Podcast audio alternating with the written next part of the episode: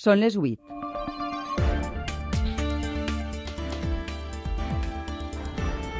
A punt. Les notícies de la nit. Amb Txelo Vicente.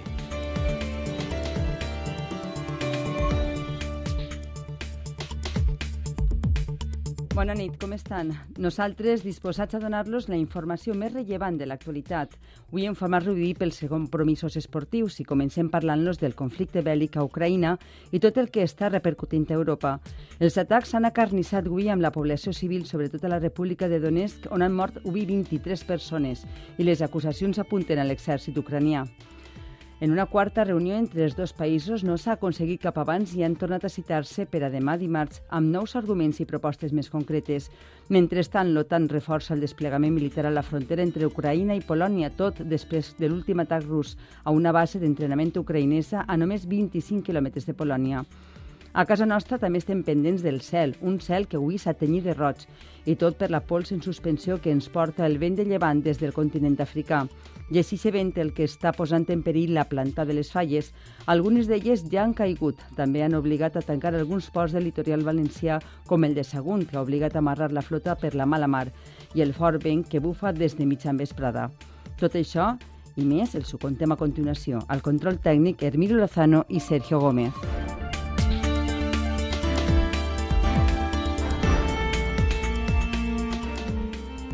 I veiem primer les previsions de l'oratge i si continuarà el vent les pròximes hores. Bona nit, Joan Carles Fortea.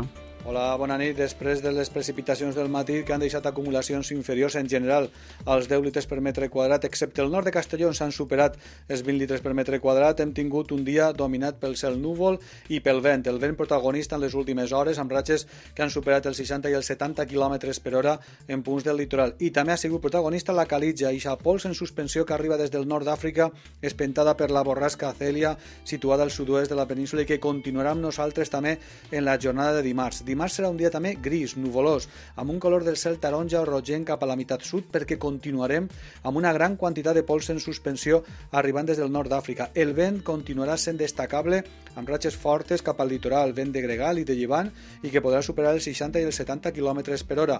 Dimarts no esperem precipitacions, d'arribar a caure serien quatre gotes acompanyades de fang. I el també serà destacable que, tot i la nuvolositat, les temperatures dimarts seran més altes, valors al voltant dels 18 a 20-22 graus a les zones del litoral, a l'espera de pluges ja més generals a partir de dimecres. Gràcies, Joan Carles.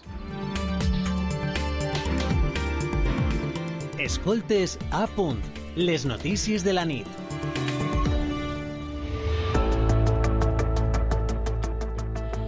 I comencem i marxem a la zona fronterera occidental que estan en alerta després de l'atac amb míssils a la base militar pròxima a Lviv, a 25 quilòmetres de la frontera amb Polònia. Després de quatre hores de reunió, cap de les dues parts han oferit una conclusió i s'han tornat a citar per a demà dimarts. Vicent Montagut, a la frontera entre Ucraïna i Polònia, a Semichal, que ens pots contar des d'esta de, última hora? Sí, les delegacions de Rússia i Ucraïna han negociat avui durant quatre hores i han acordat continuar demà, però aquestes negociacions tenen lloc enmig d'una escalada dels combats. A Kiev, la capital, tropes russes han atacat, han disparat sobre un bloc de vivendes. Hi ha una gran quantitat de víctimes. I a la regió separatista del Donbass, les autoritats locals asseguren que un míssil ucraïnès ha matat més de 20 civils, encara que el govern de Kiev ho nega. Més de 150.000 persones han aconseguit fugir ja a través de diversos corredors humanitaris, però són centenars i centenars de milers els que continuen atrapats per aquests combats. La bona notícia ens arriba des de Mariupol, on tenen lloc els combats més salvatges d'esta guerra, així d'ahir un primer comboi amb 160 vehicles. Gràcies, Vicent.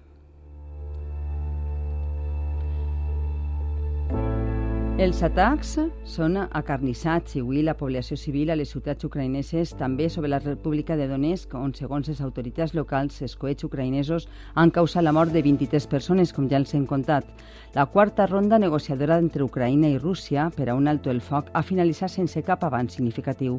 L'últim atac ha sigut esta vesprada. Segons el governador de la regió de Rivne, al nord d'Ucraïna, almenys dos, nou persones han mort després d'un atac amb míssils a una torre de televisió. Rafa Salom. Els atacs de l'artilleria russa han causat almenys dos morts en un edifici residencial a Kiev. L'empremta de les bombes ha deixat els carrers de la capital en runes. War against Ukraine Putin's war against Ukraine. Esta és la guerra de Putin, ha afirmat l'alcalde. Els separatistes de la regió del Donbass han denunciat la mort a Donetsk de 23 civils, entre ells alguns xiquets, a causa dels coets llançats pels ucraïnesos este matí a la capital de la República Secessionista. L'últim atac ha sigut esta vesprada. Segons el governador de la regió de Rivne, al nord d'Ucraïna, almenys 9 persones han mort després d'un atac amb míssils a una torre de televisió a la localitat d'Antopal. El govern ucraïnès només ha acceptat obrir avui tres corredors humanitaris diaris dels 10 previstos. Un d'ells a Mariupol, on només 160 vehicles han pogut eixir d'una ciutat amb desenes d'edificis destrossats. Segons l'Ajuntament, ja hi han mort 2.200 civils, entre ells la dona embarassada que va simbolitzar l'horror de la guerra després del bombardeig de la maternitat de Mariupol. El seu nadó tampoc ha sobreviscut. Avui ha tingut lloc la quarta ronda de negociacions entre ucraïnesos i russos per videoconferència. El cap de la delegació ucraïnesa ha confirmat que hi podria haver avanços els pròxims dies. El president Zelensky ha reiterat que vol parlar amb el president rus Vladimir Putin. Зустріч президентів D'altra banda, la Xina ha desmentit l'acusació dels Estats Units que Moscou hauria demanat ajuda militar i financera a Pequín. Escoltes a punt. Les notícies de la nit.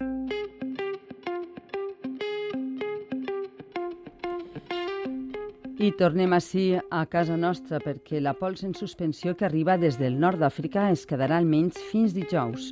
Un fenomen que, sumat a la pluja prevista per als pròxims dies, arrossegarà terra ataronjada i enfangarà l'ambient, fet que reduirà la visibilitat. Per això l'Organització Mundial de la Salut recomana evitar activitats a l'aire lliure i usar mascareta d'alta protecció. Francesc Manel Anton, des d'Alacant, ens dona més informació. Veus expertes i ben importants i els efectes letals de la pols en suspensió. No obstant això, els consells per estos dies són categòrics. Juan Carlos Padilla es neumòleg a. El problema es que el aire ha perdido calidad. Tenemos un nivel de partículas de, en este momento, alrededor de 33, cuando la OMS recomienda un máximo de 20.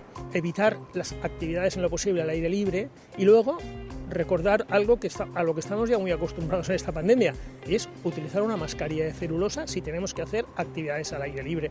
Ponérnosla para filtrar precisamente toda esa suspensión, toda esa arena que hay en suspensión, y evitar que llegue a nuestro, a nuestro sistema eh, respiratorio inferior. Les persones asmàtiques o amb malalties respiratòries cròniques hauran d'extremar les precaucions per evitar inhalar esta terra ataronjada que esdevindrà en fang per la pluja imminent. Rubén Torregrosa és meteoròleg al projecte Mestral de Torrebella. No se descarta incluso que este polvo se llegue a depositar de manera seca. Ya ocurrió el año pasado, es una cosa menos frecuente, estamos más habituados a lluvias de barro, en este caso, dada la concentración que tenemos, no es descartable que ese polvo se deposite en las superficies. La causa d'este fenomen es dona quan els vents de component sud al Mediterrani arrosseguen matèria en suspensió en les capes baixes de l'atmosfera. Este vent ha fet que el port de Sagunt tanque a causa d'esta borrasca Cèlia. El temporal marítim amb ones de fins a 3 metres ha afectat tota la costa valenciana i ha arribat a causar algun desperfecte en vaixells de pesca de Santa Pola.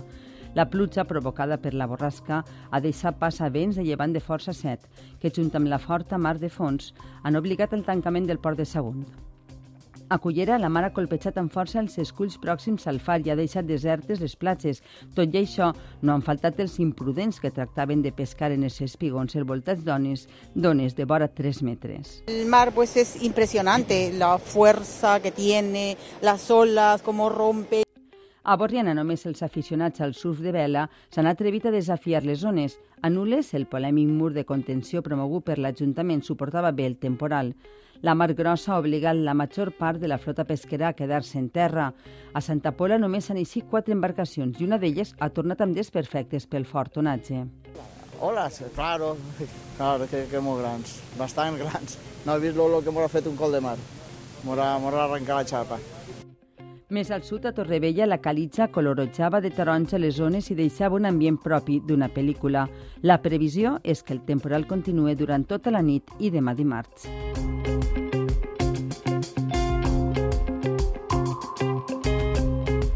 I este fort vent ha tombat una part del remà de la falla Malvarrosa Pons Cavite, precisament l'any que esta comissió tornava a la categoria d'especial de la mà dels artistes Mario Pérez, Enrique Iborra i Jesús de la Hoz. Al moment està Carme Domingo.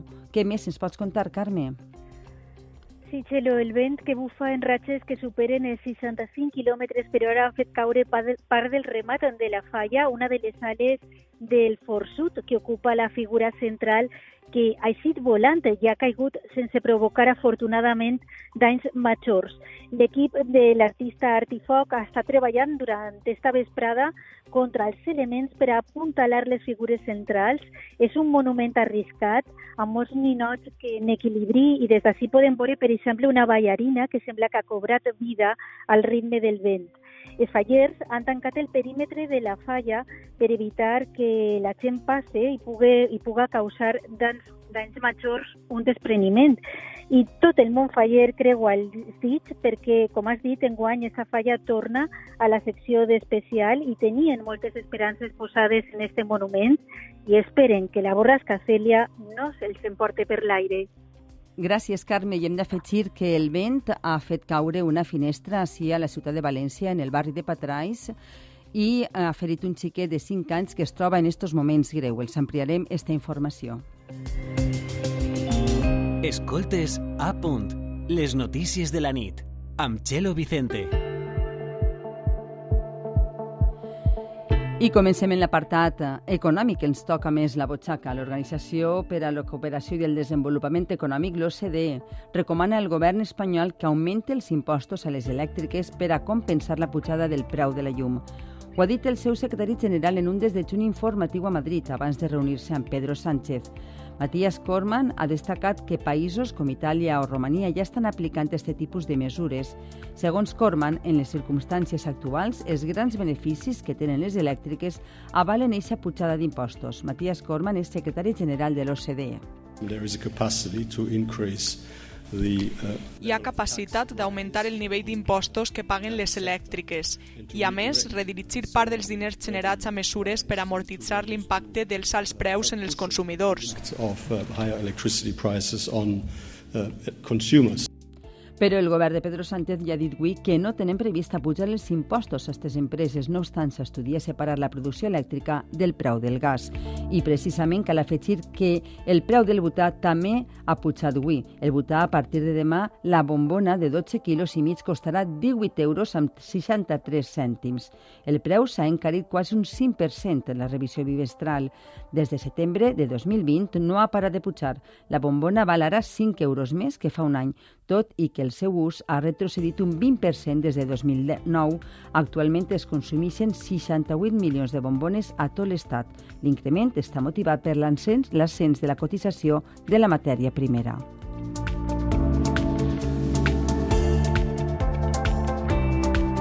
I el cas és que el preu desorbitat de la llum també passa factura a serveis públics. Dos universitats públiques valencianes tancaran la calefacció a les aules, la d'Alacant dimecres i la Miguel Hernández d'Elx dilluns pròxim. En total hi haurà uns 40.000 alumnes afectats, ens ho conta Carles González. La Universitat d'Alacant, més de 25.000 alumnes, anuncia que a partir de dimecres no tindrà climatització, és a dir, calefacció. La pujada de la llum agreujada per la guerra fa els números inviables, assegura el vicerrector d'Infraestructures i Sostenibilitat Salvador Iborra. El 2021 van pagar 4 milions i mig d'euros i enguany haurien de pagar al final més de 10 milions d'euros, vora un 4,5% del pressupost anual i és insuportable. La decisió anirà modulant-se segons l'evolució dels preus. I segons s'ha pogut saber a punt, dilluns pròxim apagarà la calefacció la Universitat Miguel Hernández d'Elx. Pel mateix motiu, uns 15.000 alumnes afectats. A l'Institut Francesc Tàrrega de Vilareal, amb 1.200 alumnes, el més gran de la localitat, han aplicat restriccions. Han encès la calefacció només unes hores perquè han rebut un sobresalt enorme per la factura. Dos piscines municipals de València, Bastos i Jardins d'Allora, també han rebut l'impacte de la llum en la línia de flotació fins a fonar el servei directament. L'empresa adjudicatària supera que ha tancat moltes més piscines a Espanya, diu que és un cost inassolible. Lluís Peiró és director general de la piscina municipal d'Allora. La mesura ha sigut eh, per un increment dels costos energètics que fan ara mateix impossible poder mantenir-la oberta la piscina i és un, una mesura de caràcter temporal. I han deixat un munt de damnificats, escoltem alguns usuaris. Es una piscina tan bona y había mucha gente así. Nos hemos quedado como decía el de, el de la película de, con el culo al aire. L'Ajuntament de València ha hagut de traure d'urgència la concessió per a reflotar el servei.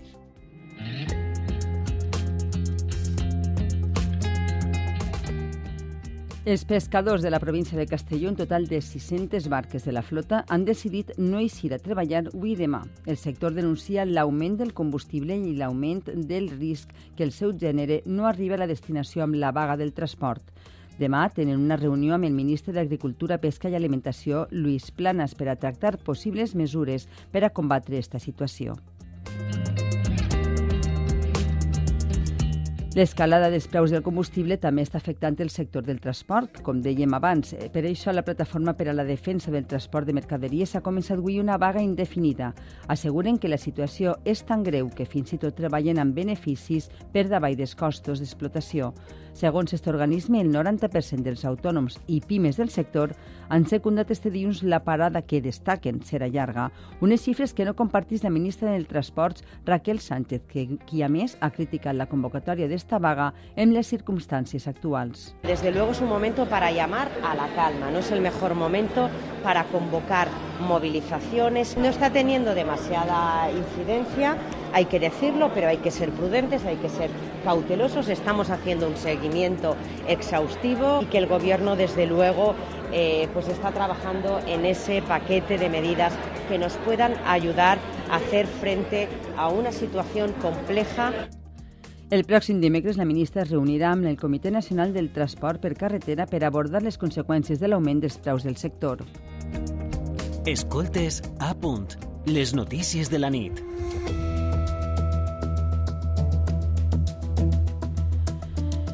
Avui es complixen dos anys des que començàrem un confinament incert. Ens replegàrem a les nostres cases i deixàrem els carrers buits en silenci. Només els aplaudiments que es convocaven a les 8 de la vesprada ens feien eixir a veure el veïnat i compartir mirades. I precisament avui la unitat de cures intensives de l'Hospital Peset Alexandre de València ha quedat buida. Este matí l'última persona que quedava ingressada allí ha deixat la unitat. Des del principi de novembre de 2021 no s'havia produït aquesta situació. És un exemple més del que esperem que passe en molts més hospitals. I on va començar la pandèmia, a la Xina registren ja més casos de coronavirus des de començaments d'any que en tot 2021. Este dilluns les autoritats sanitàries han reportat més de 1.300 casos nous i ja superen els 9.000 des del començament de l'any. Els rebrots de Covid-19 han provocat caigudes als parquets i la suspensió d'operacions de multinacionals amb l'activitat al país asiàtic com Toyota o Volkswagen. I així, reunió esta vesprada entre el president de la Generalitat, Ximo Puig, i la consellera de Sanitat, Ana Barceló, per avaluar la situació epidemiològica i fer-ne seguiment. Puig i Barceló han parlat sobre el nou sistema de vigilància de la pandèmia que es posarà en marxa de manera progressiva, tal com es va acordar la setmana passada entre el Ministeri de Sanitat i les comunitats autònomes. Avui, de fet, la conselleria ja no ha oferit les dades de contagis, ja que només ho farà els dimarts i els divendres. Les notícies de la nit.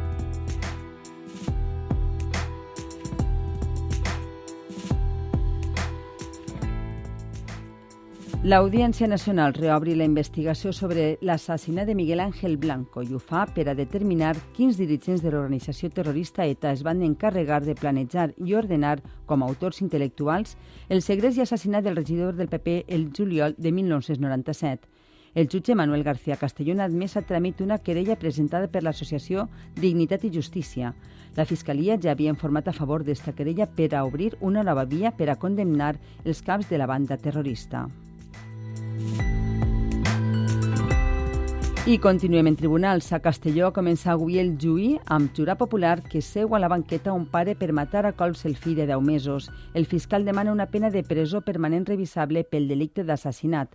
En esta primera sessió del juí, l'acusat de 21 anys s'ha acollit al dret constitucional de no declarar. El presumpte autor de l'assassinat, que alega que no podia dormir pels plors del bebè, es va dirigir al bressol i el va colpejar contra la paret presumptament acte que li va provocar unes lesions que poc després li ocasionarien la mort.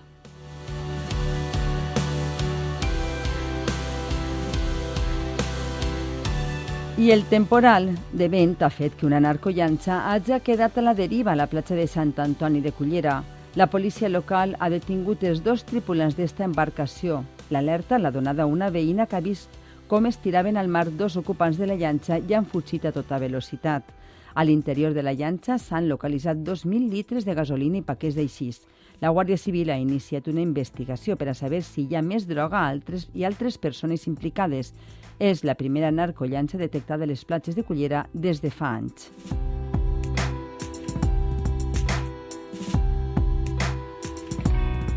El Tribunal Superior de Justícia de la Comunitat Valenciana rebutja la paralització del pla urbanístic per a construir més de 2.000 habitatges d'ús turístic i residencial en Cala Mosca.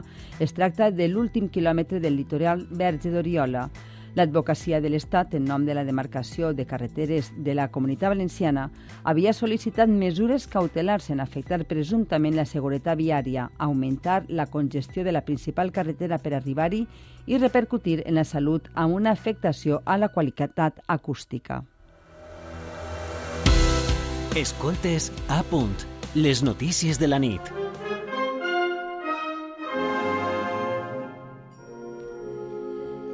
Després de 25 anys, la Comissió Infantil de Convent de Jerusalem Matemàtic Marsal ha aconseguit el Premi al millor ninot. Serà la figura que se salve de les flames en guany, una composició anomenada Mare Mòbil, obra de l'artista José Gallego, i es tracta de la figura que ha obtingut més vots del públic que ha visitat l'exposició del ninot 2022. Esta vesprada, falleres, majors, infantils i presidents han recollit els seus ninots de l'exposició ubicada a la Ciutat de les Arts i les Ciències tot per a deixar enllestits els monuments infantils en una nit de la planta que té pendents els artistes dels monuments grans. La fallera major infantil Daniela Segura vol celebrar-ho amb la seva comissió. Eh, sí, estoy súper contenta porque hace 25 años que en convento no indultan el minot y por fin lo indultan, así que eh, esta noche lo celebraremos a la comisión. Les notícies de la nit.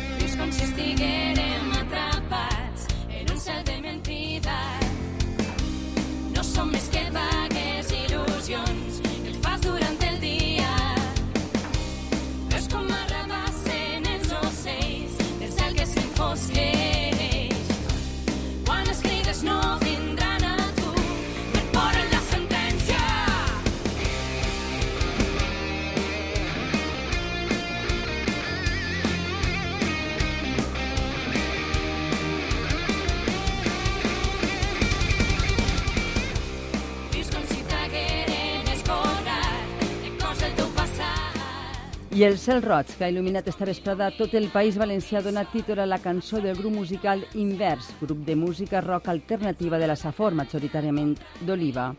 Amb ells els diem adeu i li passem el relleu a l'equip que de, des de la banda, en Jordi Sánchez al capdavant, que es narraran el partit entre el València Bàsquet i el Manresa de la Lliga Endesa. Bona nit.